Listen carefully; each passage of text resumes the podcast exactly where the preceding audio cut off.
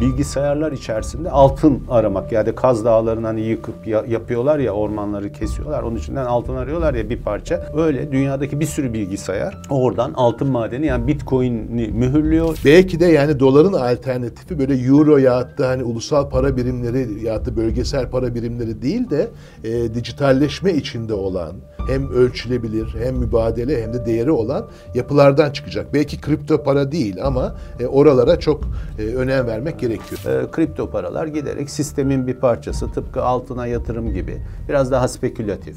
Madencilik ve uzay ve dijitalleşme üzerine yapılan filmlerde biliyorsun iklim yoktur. Hep karanlıktır. Hep bir şeydir. Sanki yani Bitcoin dünyası olursa da hani bu dünyanın küresel ısınma anlamında çok ciddi sorunları olan bir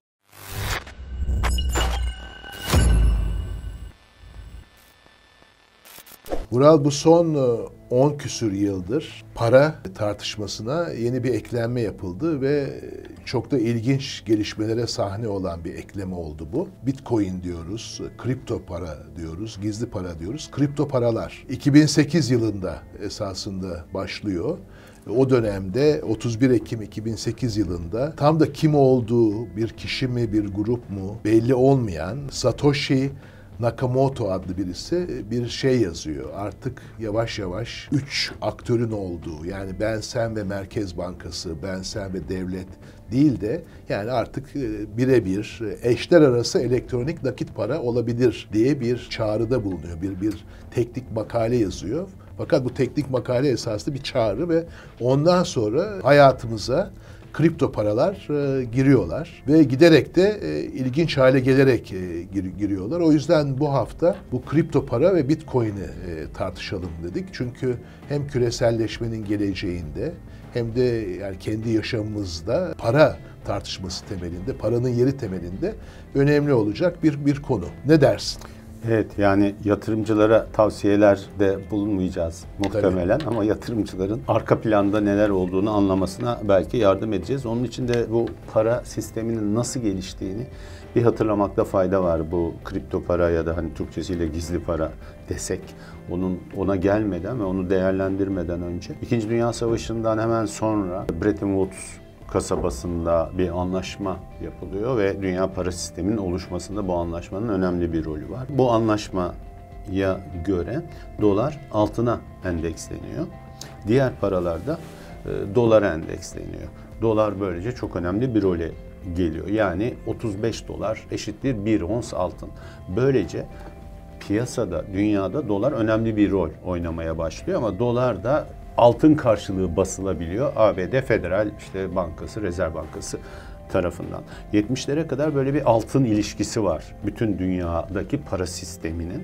70'den itibaren ise bu ilişki sona eriyor. Yani dolar altın ilişkisi sona erdiriliyor. Böyle olunca da dolar o sırada da artık dünyanın temel hem tedavül aracı, hem ölçü birimi hem de değer biriktirme aracı olarak artık dünyada egemen hale gelmiş oluyor. Ve onun altın ilişkisi de kopunca Amerika Birleşik Devletleri bir anda dünyadaki para sistemini kontrol eder bir hale dönüşüyor. Bütün akışları, bütün bankacılık sistemindeki temel hareketleri kontrol eder bir güç kazanıyor ki bugün ABD'nin dünyadaki gücünün en önemli aracı dolar ve e, yanlış bilinen bir şey olarak da söyleyelim tekrar doların altınla ilişkisi de kopmuş durumda dolar basmanın. Dolayısıyla istediği gibi basabiliyor, istediği gibi yönlendirebiliyor. Bu tabii hegemonik bir yapı ortaya çıkıyor. İşte Bitcoin dediğimiz, senin anlattığın o başlayan ve gelişen süreç sonra bir sürü ortaya çıkan kripto paralar aslında e, dünyanın para sisteminin demokratikleşmesi açısından ya da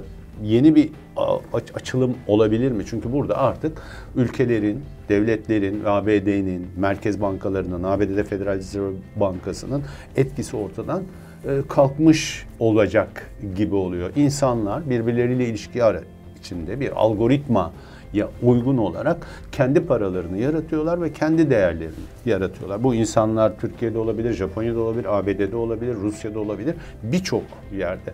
Böylece bu aslında dünyanın bir anlamda demokratikleşmesi için çok yepyeni bir deneyim olarak ortaya çıkıyor.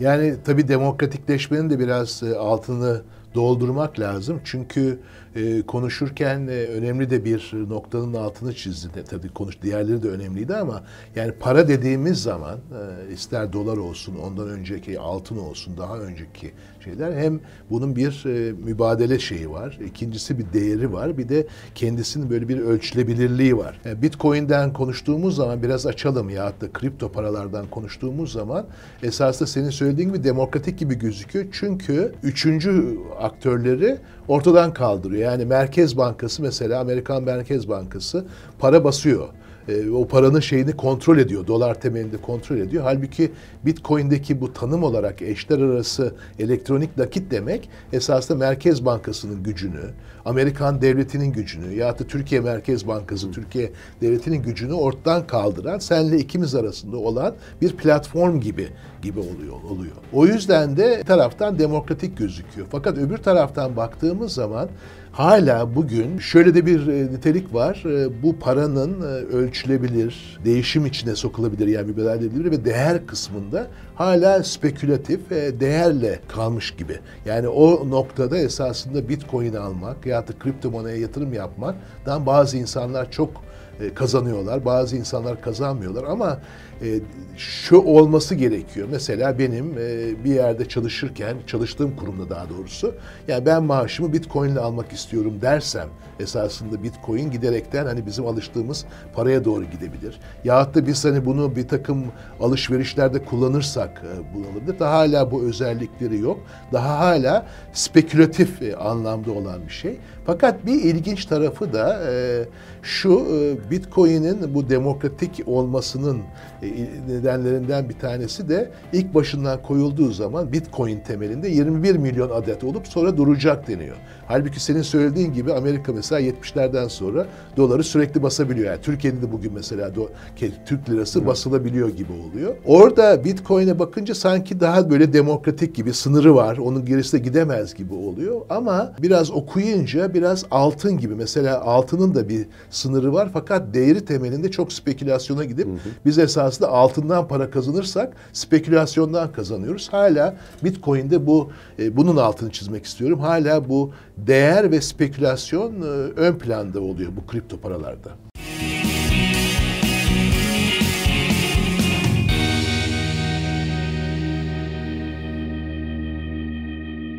Biraz arkasındaki hmm, mantığa, sistemin işleyişine kısaca bir göz atmakta fayda var. O sistemin işleyişi de aslında enteresan ve yine gelecekteki açılım açısından dünyadaki çeşitli organizasyonlar açısından önemli. Arkasında işte blockchain denilen ya da blok zinciri denilen bir sistematik algoritma var diyelim ki e, yazılım e, var e, bunun arkasında. Yani yapılan her işlem aslında bir blok, bir, bir işlem yaptığınız zaman ona bir blok adını veriyorsunuz ve o işlem mühürleniyor ve diyelim ki tavana asılıyor ya da bilgisayarlar arasına asılıyor ve her bir işlem birbirini takip eden her bir işlem dünyadaki çeşitli bilgisayarlar tarafından mühürlenmesi gerekiyor ve böylece değiştirilemez oluyor ve birbirinin üstüne biniyor. İşlem sayısı arttıkça tabii gittikçe o bilgisayarların daha çok bilgisayarın daha fazla işlemin ortaya çıkması gerekiyor ki zaten giderek normal ilk başlarda bildiğimiz bilgisayarlarla bu işler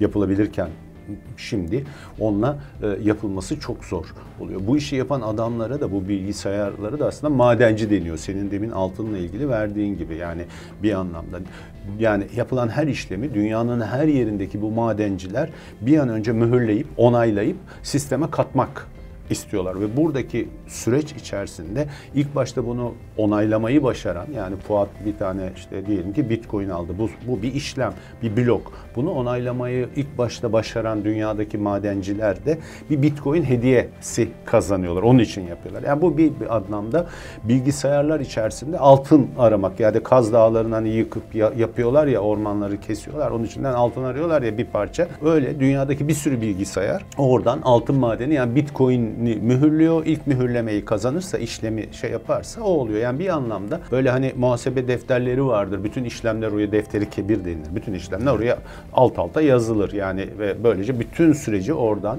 paranın nasıl geliştiğini, işlemin nasıl geliştiğini görürsün. Bu seferki buna dağıtık deniyor. Bu işlem, bu defteri kimi dünyadaki bir sürü bilgisayara ve bir sürü insana dağıtılmış oluyor. Böylece hani bir yandan çok da demokratik gibi gözüküyor demin konuştuğumuz gibi ve bu dünyadaki birçok sektör, sektörün birçok örnek alabileceği bu blockchain ya da blok zinciri sistemi örnek alabileceği yeni alanlar gibi gözüküyor. Benim işte mesela anket için söylediğimde hep anketler doğru mu yapılıyor diye konuşulur mesela. Diyelim ki anketleri yapıldığı anda mühürleyip birisi o anketi assa bir yere ve birbirinin üstüne asmaya başlasa ve isteyen herkes de oraya erişebiliyor olsa dolayısıyla anketler doğru mu yapıldı, yanlış mı yapıldı sorusu olmayacak gibi. Birçok endüstride bu tür deneyimler şu anda yapılıyor.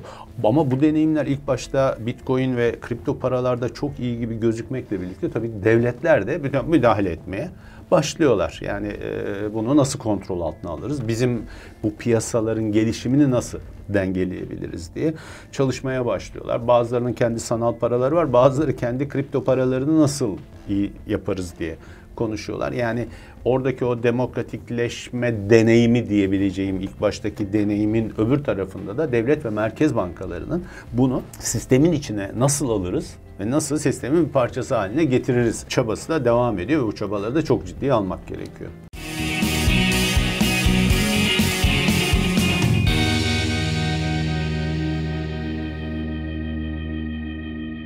Bence de e, hatta hemen örnek verelim. E, Biden yönetimi Amerika'da başa geçtikten sonra Amerikan Merkez Bankası'nın başına gelen kadın e, ve Amerika ekonomisini götürecek olan olan başkanın ilk Hocam Amerika, dünyadaki bütün finansal kurumların başı kadın oldu. Evet, bütün şimdi evet, yani, Dört, IMF, hepsi, yani kadınların Avrupa esas Merkez Bankası. Yani bir parantez açarsak yani 8 Mart'la ilgili de bir program yapmıştık hem ve bence e, Covid-19'a karşı mücadelede başarılı olan ülkelerde kadın yöneticiler var. Şimdi de mesela merkez bankaları ya da IMF gibi kurumların başına da hatta şimdi Dünya Ticaret Avrupa Örgütü'nün başına da bir, bir, bir kadın Bankası. ve siyah bir kadın evet. geldi. Onu bir parantez yapalım ama burada e, yani kadın olmasından daha e, e, söylemek istediğim şey de Hemen ilk şeyde yani biliyorsun Biden yönetimi Paris Anlaşması'nı iklim değişikliğiyle e, şey yaptı, biz imzalayacağız dedi. Ama öbür taraftan da Bitcoin'e karşı da büyük bir savaş açtılar. Yani e, o anlamda merkez bankaları da kendilerini konumluyorlar ve bu olayın ne kadar ciddi olduğunu yani spekülatif ama ciddi olduğunu gösteriyor. Bu noktada ben esasında e, biraz da bunun sosyal sonuçlarına da ya da insanlık üzerindeki sonuçlarına da bakmak istiyorum. Orada ilginç gelen bir şey. Biraz da bu Bitcoin'i yapalım mı? Seninle tartışırken karar vermemizin nedenlerinden bir tanesi. Son dönemlerde biz de bununla ilgili çok program yaptık. Antroposen olarak, e, iklim değişikliği, küresel ısınma olarak. Yani Bitcoin'in e, her ne kadar sınırlı olsa da fakat bundan sonraki işte tam o senin söylediğin Kaz Dağları referansı altın madenciliği temelinde ve e, küçük kompüterler ya da normal kompüterler değil de devasa sistemleri algoritmik olarak ihtiyaç duymasına bağlı olarak çok ilginç bir tartışma. E, bir iki hafta evvel New York Times'ta da bir öyle ilginç bir yazı okudum.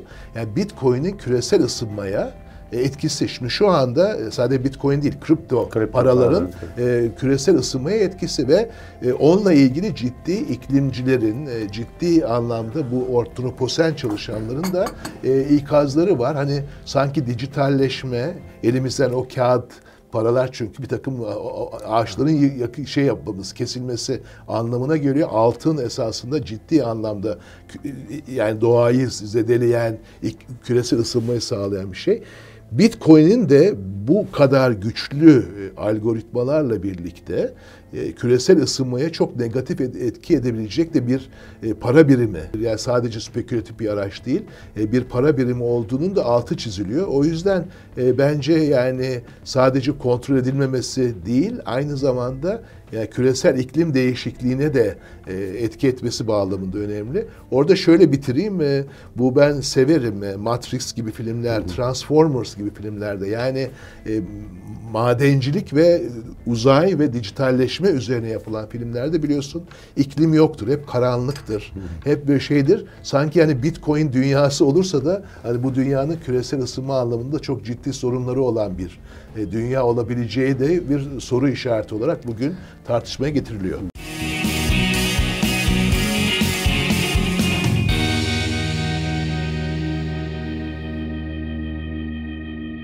Gazetede bir, bir, bir, bir aralar okumuştum. Ee, Güneydoğu Anadolu'da gene birkaç tane ev basılıyor. Ne oluyor diye. Çünkü evde olağanüstü elektrik tüketimi çıkıyor. Yani bir fabrikada olamayacak kadar elektrik tüketimi var. Ne oluyor diye orayı e, şey yapıyorlar, basıyorlar. Aynı şey bir Konya'da da böyle e, gelişmeler oldu. Çünkü hakikaten bu madenciler dediğim yani şeyler, insanlar kullandıkları cihazlar, milyonlarca işlemi takip eden, onaylayan, sürekli çalışan cihazlar muazzam bir elektrik üretiyor ve hemen de dikkat çekiyor ve onu finansal olarak da o insanların kapsaması, e, ödeyebilmesi de çok e, kolay değil. Çünkü kazandıkları bitcoin ile neredeyse harcadıkları enerji e, başa baş bir fiyat haline gelmeye başlıyor. Öyle bir durumda da kaçak elektrik kullanımı çok önemli bir nokta evet, olmaya evet, başlıyor evet. ve kaçak elektriğe doğru kaymaya başlıyorlar. İlk başlardaki o işte hani demokratikleşme olabilir mi dünyada insanların kendi aralarındaki zincirle yarattıkları, kurdukları zincirle yarattıkları bir değer biriktirme ve sonra belki mübadele, değişim aracı olabilecek senin hani para, maaşları öyle alır mıyız acaba sorusu gibi tartışmalar içerisinde. Sonra buna devletlerin ve merkez bankalarının sistemi alma için müdahalesi ve yavaş yavaş aslında iş sistemin içine eklemlenen bir spekülatif, aynen senin söylediğin gibi spekülatif yatırım aracı olmaya dönüşüyor. Mesela ilk başta insanlar arası bir zincirin bir parçası iken ve öyle üretiliyorken yavaş yavaş aracı kurulumlar, kurumlar ortaya çıkmaya başlıyor. Aracı kurumlar tabii insanların bunu alması, satması gittikçe zorlaştığı için kendi başlarına aracı kurumlar bunu kolaylaştırıcıları olarak bir nevi borsa olarak hani bir kripto para borsaları gibi ortaya çıkmaya başlıyorlar. Tıpkı altın borsası, gümüş borsası falan olur dünyada. Öyle kripto para borsası gibi çıkmaya başlıyorlar ve benim gördüğüm kadarıyla bu sisteme artık tamamen o ilk baştaki orijinal fikrin dışında, orijinal yapının dışında o hala önemli bir deneyim. Blockchain deneyimi çok çok önemli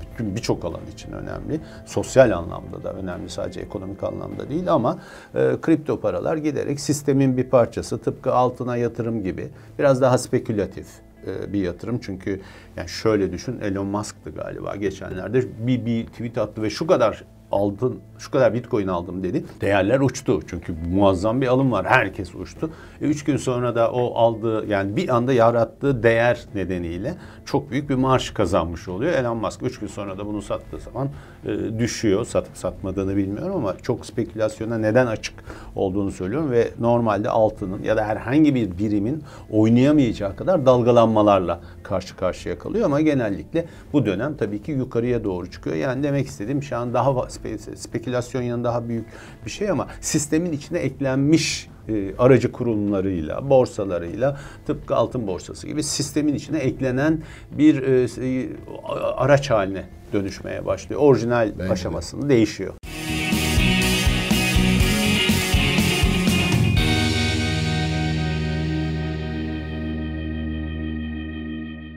Bence de ve şöyle bitirebiliriz. Esasında e, senin ilk söylediğine geri dönelim. 45 e, sonrası dolar var. E, dolar artık uluslararası birim, para birimi. arkasından euro geliyor biliyorsunuz. Ama euro tam anlamıyla doları tam rekabet ediyor ama değiştirebilecek, yerine gelebilecek bir şey değil. Benim ilgimi çeken e, bu son dönemlerde e, biraz evvel de bu Transformers filmlerine de referans verdim. Yani Amerika'dan başlayarak dünyaya doğru giden e, bir elektrikli araçlar devrimi deniyor ona. Bir, bir böyle bir dönem var.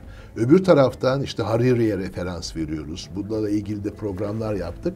Bir de dijitalleşme var. Yani dünyanın gelişiğinde esasında belki de yani o dolar, euro değil de bu dijital alandaki e, para birimleri, o dijital alandaki değişimler, mübadeleler, şeyler çok daha önemli olacak. Esasında kripto bunun bir küçük parçası, daha büyük de PayPal falan gibi yeni sistemler gel- gelişiyor. O yüzden e, bence e, bu Bitcoin ve kriptoyu evet yani bir taraftan demokratikleşme gibi bir şeyi yaratıyor, yani çoğullaştırıyor ama öbür taraftan e, spekülatif bir şey ama bence bizde kalacağını söyleyelim. Yani bu dünyanın gidişatında bence e, elektrik devrimi taraftan, dijitalleşme öbür taraftan şeydi artık o madencilik biraz hani bizim bildiğimiz altın madenciliğinden daha çok hani Matrix gibi dijital madencilik üzerine doğru giden bir yapıya doğru dönüşecek ve biz bu paralarla yani bu, bu tartışmayı devam etmeye devam edeceğiz. Ama bence e, önemli bir gelişim oluyor dünyada dijitalleşmeyle ve elektrik devrimiyle birlikte. Onun bir parçası da belki de yani doların alternatifi böyle euro ya da hani ulusal para birimleri ya da bölgesel para birimleri değil de e, dijitalleşme içinde olan hem ölçülebilir hem mübadele hem de değeri olan yapılardan çıkacak. Belki kripto para değil ama e, oralara çok e, önem vermek gerekiyor.